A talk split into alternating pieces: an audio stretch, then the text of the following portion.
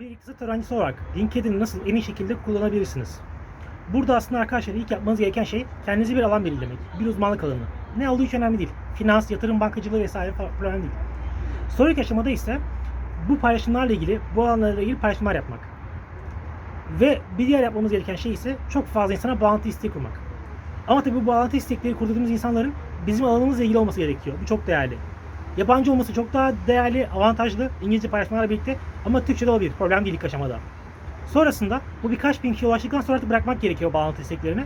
Çünkü eğer birkaç bin kişiden daha fazla insana istek atarsak bu sefer LinkedIn algoritması bizi fake olarak görüp paylaşımları kötüleyebilir.